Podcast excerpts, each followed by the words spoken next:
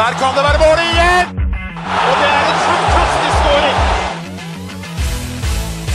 Så kommer den!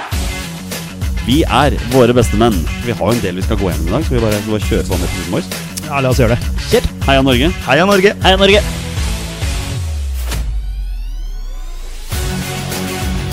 Takk, Ole Gunnar Solskjær!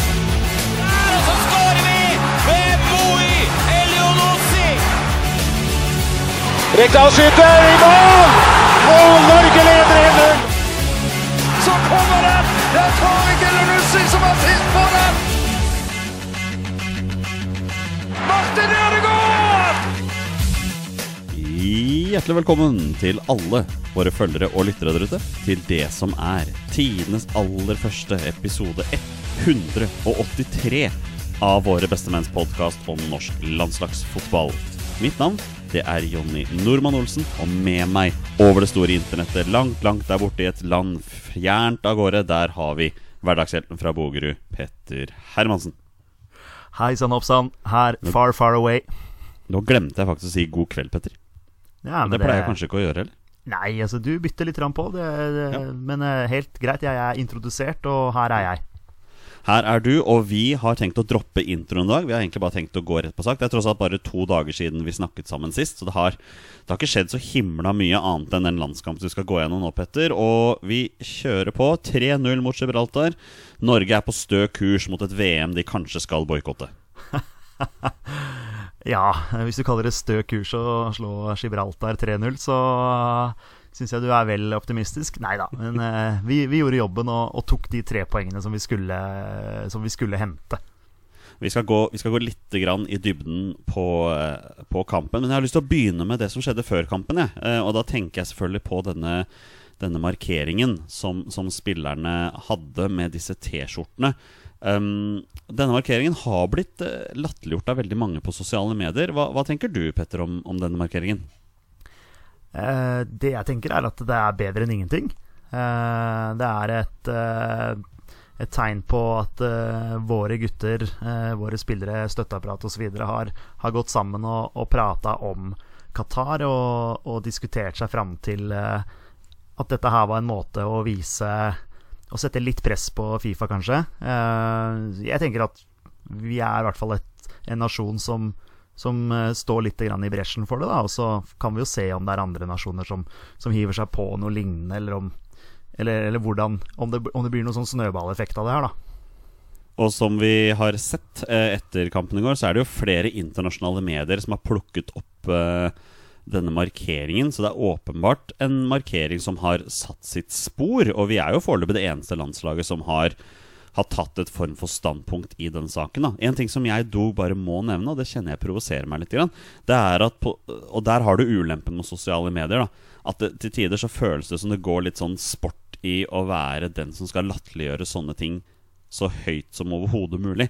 At den ene skal liksom være kulere enn den andre. Og de som faktisk respekterer denne markeringen, og de som synes dette var et godt tiltak, de blir på en måte latterliggjort og sett litt ned på. Og jeg, jeg liker ikke at det er sånn. Jeg syns det er en uting at det er sånn. Der har du en fare med sosiale medier. Og det, det gjør jo at folk blir litt redde for å si meningen sin fordi de skal bli latterliggjort også. Jeg syns dette var en helt grei markering. Og hva forventer folk, da? Forventer folk at uh, Norge skal stille opp der med T-skjorter med, med flagget til Qatar og et svært jævla rødt kryss over? Er, er det det folk forventer, liksom? For, forventer folk at det skal stå eh, 'fuck VM 2022'? Eller et eller annet nå bare overdriver her, da. Men folk liksom latterliggjør pga. budskap som sto der. Men, men hva forventer folk? da? Forventer folk at Norge skal liksom gjøre alt de kan for å, for å få en bot fra Fifa, altså for å få en bot fra Uefa, eventuelt poengtrekk, sånne ting? Jeg syns det, var en- det var en enkel, grei markering, og det viser jo et standpunkt. Så jeg syns det var helt innafor, jeg. Ja, ja men det er, du, du sier det der.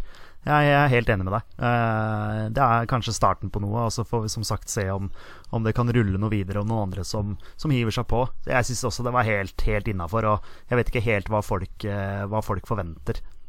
Nei, jeg er helt enig med deg. Eh, så det var bare litt grann om den kampen. Nå skal vi Nei, om, om T-skjortene. Nå skal vi gå videre til kampen. Jeg har bare lyst til å nevne Petter, at jeg kommer til å kjøre live eh, flashscore eh, av eh, de andre kampene i kvaliken som går akkurat nå. Jeg kan allerede meddele. Sveits leder 2-0 borte mot Bulgaria. Spilt ti minutter. Oi, allerede, ja. Ja, så det var, det, var, det var ganske tidlig. Kan også nevne at i African Cup of Nations har Ghana tatt ledelsen borte mot Sør-Afrika. Men nok om det. La oss, la oss gå videre til det som faktisk gjelder. Um, 3-0 mot Gibraltar. Det første jeg har skrevet opp her, er at Glentorren i Nord-Irland De kommer til å miste keeperen sin til sommeren. For maken til prestasjon som keeper Dave Collane i Gibraltars mål presterte første omgang her. Altså, Når er sist vi så en god, så god prestasjon av en keeper på dette nivået, Petter? Nei, det var eh, faktisk, eh, faktisk, veldig bra. Han hadde faktisk noen ganske fete redninger der. Den første til, til Brauten der, hvor han, hvor han, får opp eh, armen der. Eh, Braut Haaland Det er vel Moey som skyter. Eller ja, han skyter, så blir det som en pasning. Skudd for styring, da, som Braut styrer mot mål. Og så får han kasta opp armen der, den godeste keeperen. Så han hadde noen, noen gode redninger, og så hadde han noen sånne, sånne TV-redninger som, som, han måtte Han måtte overdrive litt sånn ekstra, da. Sånn som, sånn som man gjør når man vet at man er på TV i beste, beste sendetid. Ja, det er jo noen som har skrevet på sosiale medier at keeperen egentlig ikke var så himla god, men at vi, at vi skjøt han god. Uh, hva, hva, tenker du om det? Ja, på noen, noen av avslutningene er jo keepermat. Men mm. uh, jeg mener at han keeperen Han fikk det til å se litt, uh, litt mer ekstremt ut enn det det kanskje var. da Men et par av redningene er det faktisk høy, høy klasse på. Ja, det syns jeg absolutt. Og dette var en frustrerende kamp for Braut Haaland. Hadde han satt den første store sjansen her, så hadde det kommet flere. Men, men du så liksom på, litt på han etter hvert at det var ikke helt dagen i dag. Det, det skulle ikke bli mål. Og kan det ha vært litt sånn forventningspress rundt der Altså, Folk har jo snakket om i sosiale medier at han skulle skåre hat trick og fire og fem mål og, og gud veit hva. Så vi er vel litt skuffa over at han ikke skårer. Ja, vi er skuffa over det, og det er han eh, skuffa over sjøl òg. Jeg syns han, jeg synes han liksom så litt sånn, sånn småutilpass ut. Jeg vet ikke helt om det var eh, eh, alle de forventningene som, som, som er til han. Eh, jeg så Unibet var ute på Twitter og skrev at eh, i dag tjente vi en god del penger. Uh, for det var vel en haug av nordmenn som hadde satt penger på at Braut skulle skåre både to og tre og fire og fem, kanskje. Så så nei, jeg tror forventningene var eh, ja, skyhøye, som du sier. Og så Jeg vet ikke om, man, om det var kunstgresset, eller om det var liksom Om han var litt sånn småsliten, eller hva, hva, det var for noe. Men han så litt sånn der Jeg vet ikke, det var ikke noen han var ikke, sånn, han var ikke så på, da, på en måte. Altså De, de sjansene som han brenner, er ganske, ganske store. Uh, og litt overraskende over at han ikke, at han ikke satt minst én, da. Nei, og det, det, er klart at det er mange faktorer som kan spille inn her. Jeg har ikke lyst til å skylde på var varmen og sånne ting, men det er jo ikke til å stikke under stol at han spiller for et landslag som er betydelig svakere i kvalitet enn enn det klubblaget som han spiller på også. Og han er vant til å bli fòret på en annen måte. Og, er, og ikke minst er han vant til spillestilen til Dortmund. Altså, det, her så vi et norsk landslag som hadde én fellestrening bak seg. Uh, vi fikk se en helt ny formasjon. Vi skal gå inn på lagoppstillingen etter at vi har tatt litt om kampen her. Men det var, en, det var en helt ny formasjon, det var en ny måte å spille på. Og vi må ikke, må ikke legge, legge, bak oss det faktum også at har vi noen gang møtt et mer defensivt landslag enn Gibraltar? 5-4-1. Ni spillere som en sånn vegg foran 16-meteren. Det, det, det, er ikke de letteste arbeidsvilkårene, altså. Nei, det er ikke det. Det er ikke det i det hele tatt. Allikevel så klarte vi å spille oss til ganske mange store sjanser. Uh, det var veldig frustrerende der fram til vi, vi endelig fikk uh, hull på, på byllen, altså. Ja, Vi kan egentlig bare ta det med en gang. Vi hopper rett og slett fram til 42. minutt. Alexander Sørloth, banens gigant i min bok, vår klart beste spiller. Enkel heading på corner fra Fredrik Midtsjø, faktisk. Uh, uttagbart. Og, da, og da, da, da pusta jeg litt lettet ut, for da var det sånn Ok, ferdig. Nå, nå vinner vi. Ja. Og og det, og det, hjelper selvfølgelig på at vi to minutter etterpå får debutantscoring av sønn av Siv. Christian Thorstvedt der som enkelt setter ballen ned i hjørnet, og da, da er jo kampen kjørt. Ja, debutant fra start, eller? Eh, spilte han ikke mot Østerrike? Jo, jo, unnskyld. Debutant fra start, ja. ja, ja. Jeg sa vel eh, landslagsdebutant, ja. Ja, ja, for han, start, ja, for det stemmer at han kom inn mot Østerrike, ikke sant? Det stemmer. det stemmer ja. nei, men det var jo Ja, ballen kommer ut der, og det er vel en svak klarering fra Gibraltar, og så er Torstvedt eh, på plass og setter den kontrollert ned i hjørnet. Syns for øvrig Torstvedt var, var, veldig, veldig god. Han eh, mm. hadde han ville på en måte hele tiden ha ball og, og, og gikk på løp og tok initiativ fremover i banen. Så syns han gjorde faktisk en positiv kamp. Så vi skårer to mål for pause, men det som selvfølgelig var det store samtalepunktet i første omgang, det er jo skaden til Martin Ødegaard og det overtråkket som han som han, eh, som han gjør der, om å bytte ut i pausen. Nå, nå, ser det ut som dette her ikke var så ille som man håpet på. da Eller som man håper på, sier. Nå ser det ikke ut som det var så ille som man trodde at det kom til å bli. Og det ser ut som han er klar til lørdag, men hadde dette vært annen, et annet landslag enn Gibraltar, så hadde han kanskje ikke blitt bytta ut i pause her.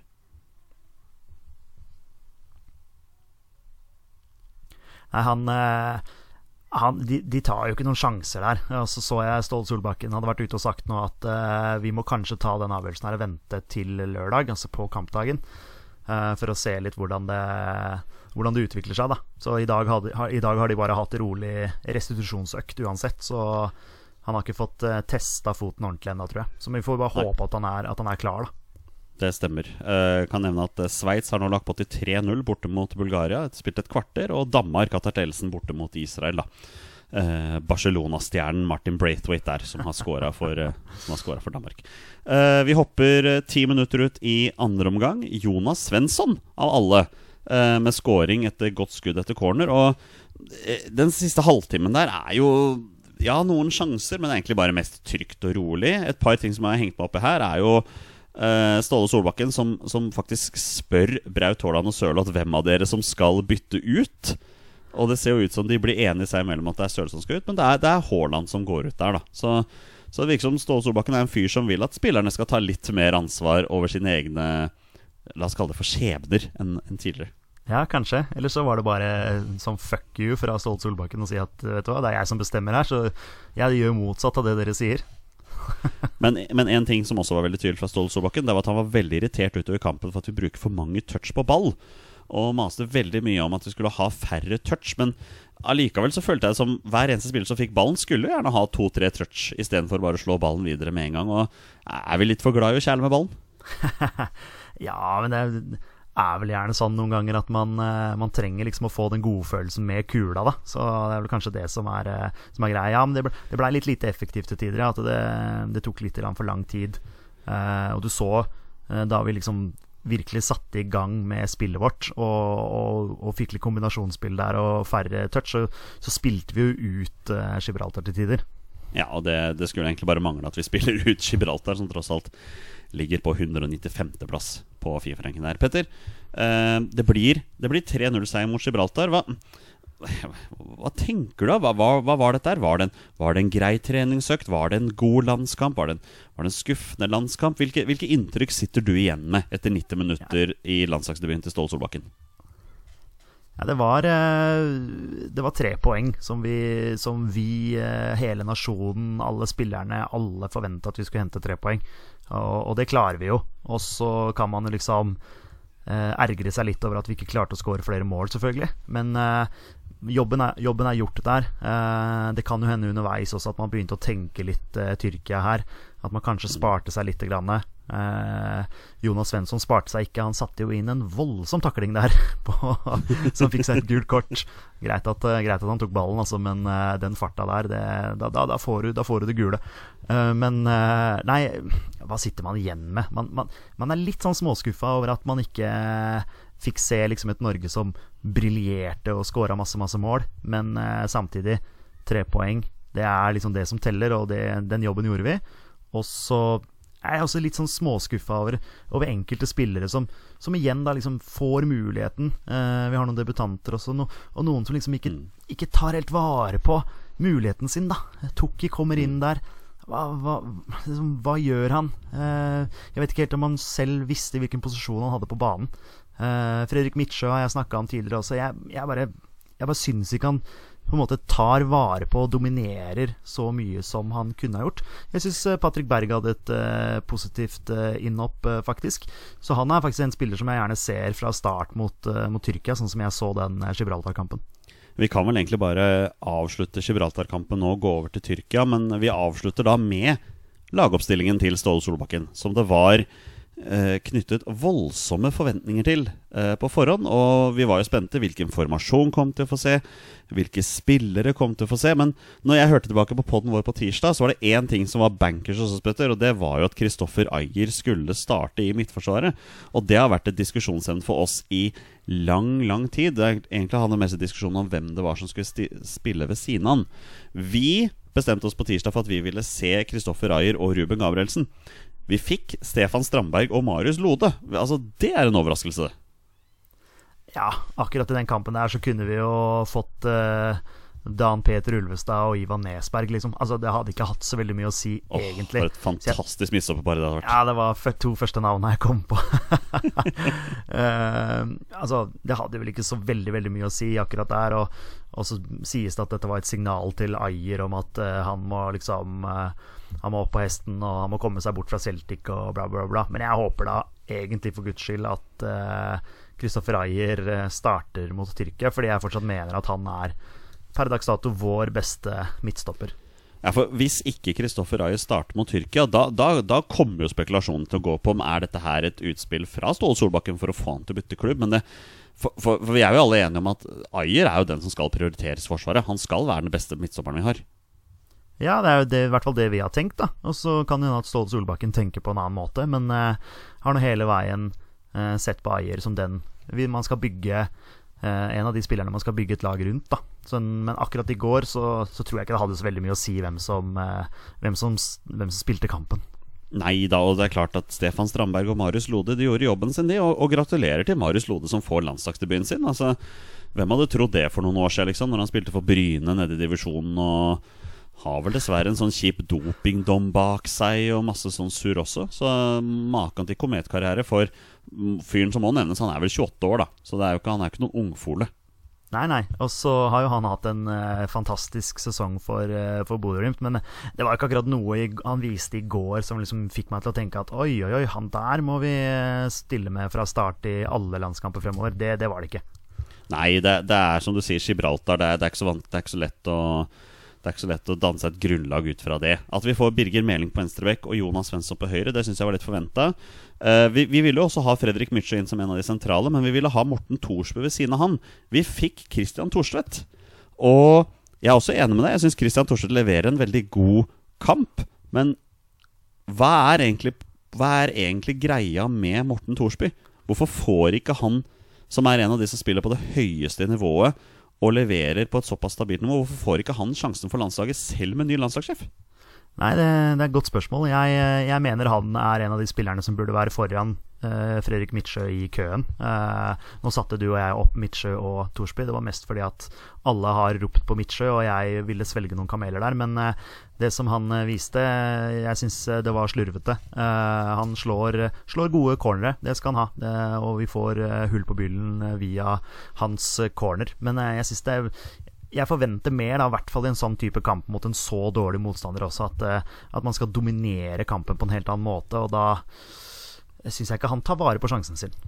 Nei, helt, helt enig. Uh, Patrick Berg får sin landslagsdebut i andre omgang der. Han leverer jo ganske bra innhopp, så jeg er helt enig med deg når du sier at jeg hadde ikke hatt noe mot å se Patrick Berg fra start mot Tyrkia. Men, men en ting som jeg sitter igjen med her nå, er liksom at nå har vi ingen snøring om hvem det er som kommer til å starte mot Tyrkia. For Ståle Solbakken har vist at han kan overraske, og skal ikke se bort fra at han overrasker nå på lørdag også, altså.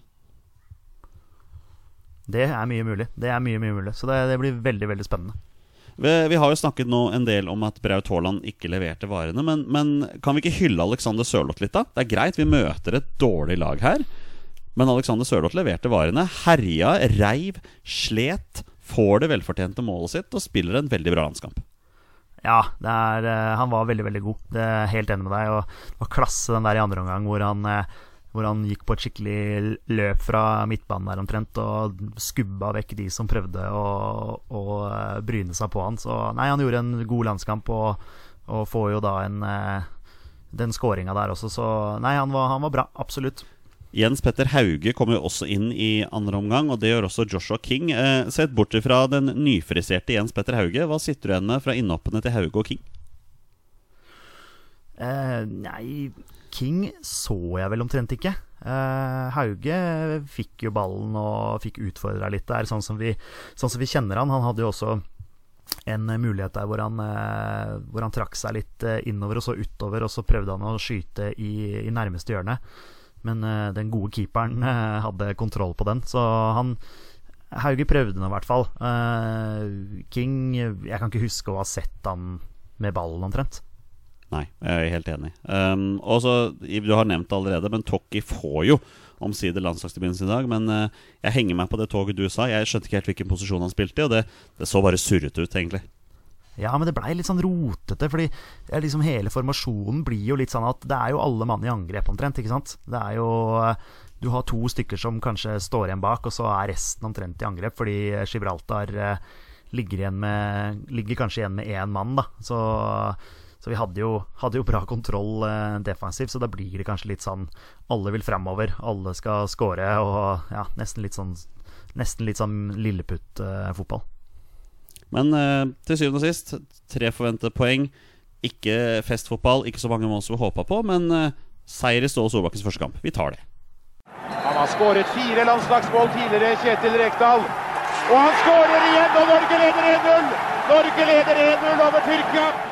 Det ble spilt uh, to andre kamper eh, også på tirsdag. Latvia-Montenegro ender 1-2, Petter, og det var vel litt forventa, men vi må snakke litt om Tyrkia og Nederland her, som ender med for noen vil si ganske overraskende, men en solid 4-2-seier til Tyrkia. Og det, det, setter jo standarden for kampen vår nå på lørdag. Det er plutselig blitt en kamp som har ekstremt mye å si eh, i forhold til ja, ikke nødvendigvis bare potensielt gruppeseieren, men også den andreplassen. For hvis vi skulle tape mot Tyrkia nå på lørdag, så, så sliter vi.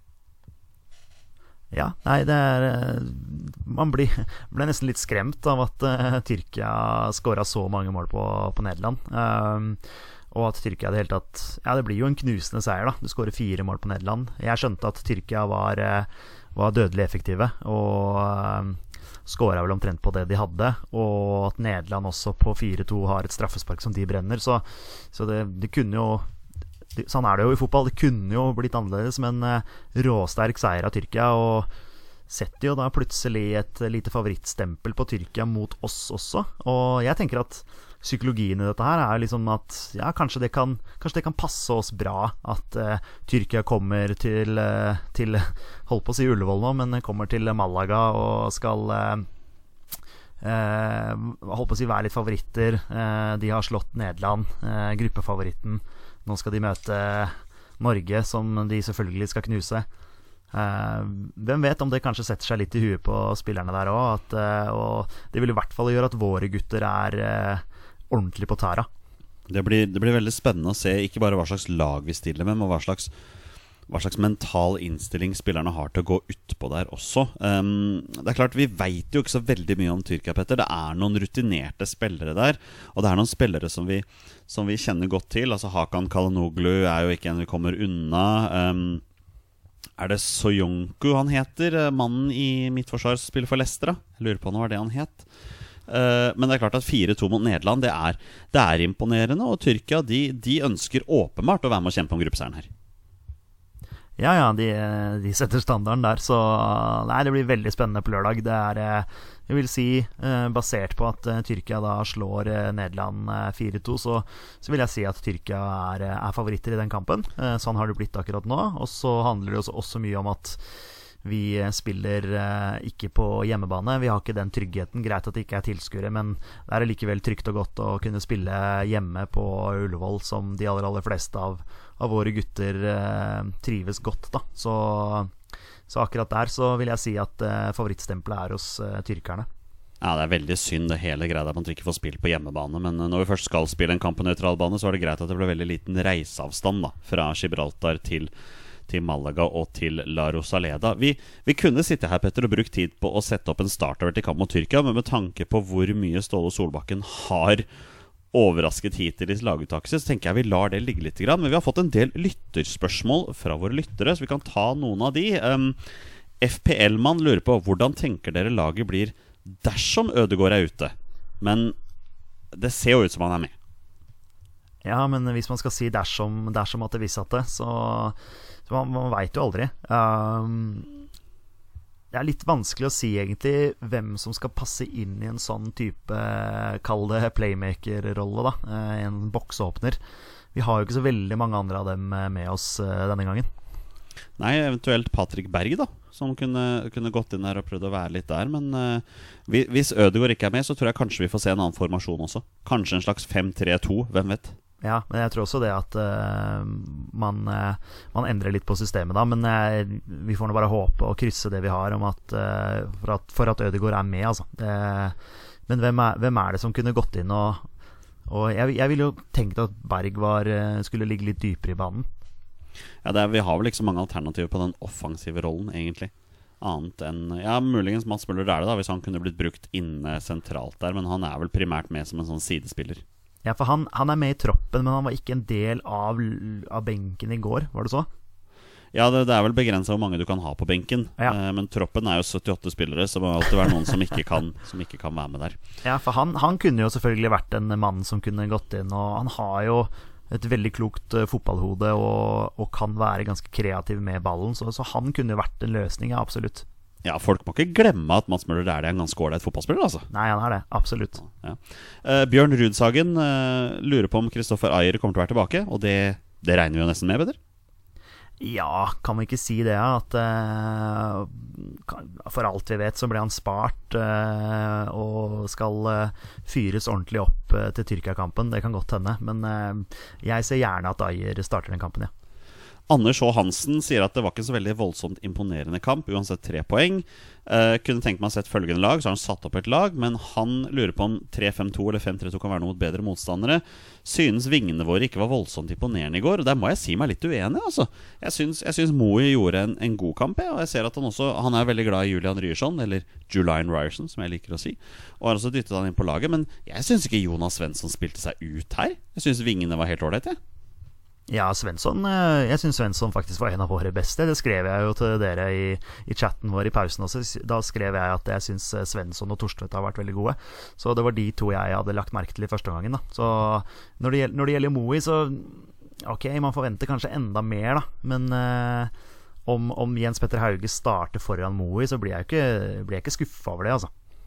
Nei, det, det er klart man, man ikke gjør det, men men jeg tenker at uansett hvem som kommer på banen nå, så må de faktisk bare ta sjansen sin så godt de kan. For Ståle Solbakken viser at han kan overraske, og hvis han overrasker med noen på lørdag, så må de bare, må de bare gripe sjansen. Og En spiller som kanskje overrasker hvis han får sjansen, men, men dette tviler jeg på. Eh, Magnus R. Nå som Braut har mistet målskårerferdighetene sine, må vel Mars inn mot Tyrkia? Klasse. Er, eh, ja, der har vi forventningene til eh, Brauten. Og det, eh, ja, altså Braut Haaland starter selvfølgelig mot Tyrkia, men, eh, men det, var dette, det var denne jokeren, da. Eh, hvis vi stanger der og, eller trenger mål, eller et eller annet sånt, så kan absolutt Bjørn Mars Johnsen være en, en mann å hive innpå. Absolutt. Ja, men, men, men som du sier, Haaland kommer til å starte. Det veit vi jo. Ja, ja, selvfølgelig. selvfølgelig. Så er jo, spørs, så, så er jo spørsmålet nå om man eh, eh, Man bør jo på en måte fortsette med både Haaland og Sørloth. Det har jo funka ganske bra. Det har det. Eh, Stian Olsen Kajander på Twitter. Norge gjorde en kamp som forventet, og det er en forventning til at det vil bli gjort noen bytter. Hvilke bytter ville dere gjort til neste kamp mot Tyrkia? Nå har vi allerede snakket om at Ayer skal inn. Um, Midtsjø ut, kanskje Thorsby inn. Er det et alternativ, eller er det Patrick Berg som skal komme inn isteden? Nei, jeg ser, jeg ser gjerne Berg, altså. Jeg syns eh, det var et eller annet med han uh, da han kom inn nå. Uh, jeg vet ikke, jeg, vanskelig å sette ord på det, men jeg, syns det er et eller annet med han som, som vil være spennende å se videre for, for Norge. Så, så jeg ser gjerne Berg inn på, på sentralen der, ja. Og når vi snakker om Midtforsvaret, Vi er jo veldig ivrige på å få inn Ayer der. Men vil du da ha Strandberg eller Lode som makker, eller vil du fortsatt gå for Gabrielsen? Nei, altså Det var jo Gabrielsen som var utgangspunktet vårt også. Ehm, jeg syns som sagt ikke at verken Lode Altså, eh, Strandberg kjenner man jo til en, en, del fra før av på, på landslaget også. Og Lagerbäck tok han litt inn i varmen igjen på slutten, og jeg syns faktisk han gjorde Faktisk han gjorde det ganske bra da. Så hvis jeg skulle valgt mellom Lode og Strandberg, så ville jeg gått for Strandberg og Ayer. Eh, Lode skal visstnok være en eh, god ballspiller, og eh, han slurva en god del mot eh, Gibraltar, men eh, vi vet jo hva han, han, hva han har inne. Han har jo vist det for, eh, for Bodø-Glimt, så han hadde nok litt startvansker i går, og så blir jo kampen litt sånn Ja, altså det er en litt sånn vanskelig kamp når du skal liksom tre baller igjennom en sånn buss, men Ja. Ja, vanskelig å liksom være sånn bombastisk på det, liksom, og si at han er ikke god nok, eller han, han er det og det. Men eh, akkurat det jeg så i går, var liksom ikke sånn at jeg tenkte at dette er en mann å, å bruke videre for Norge, da.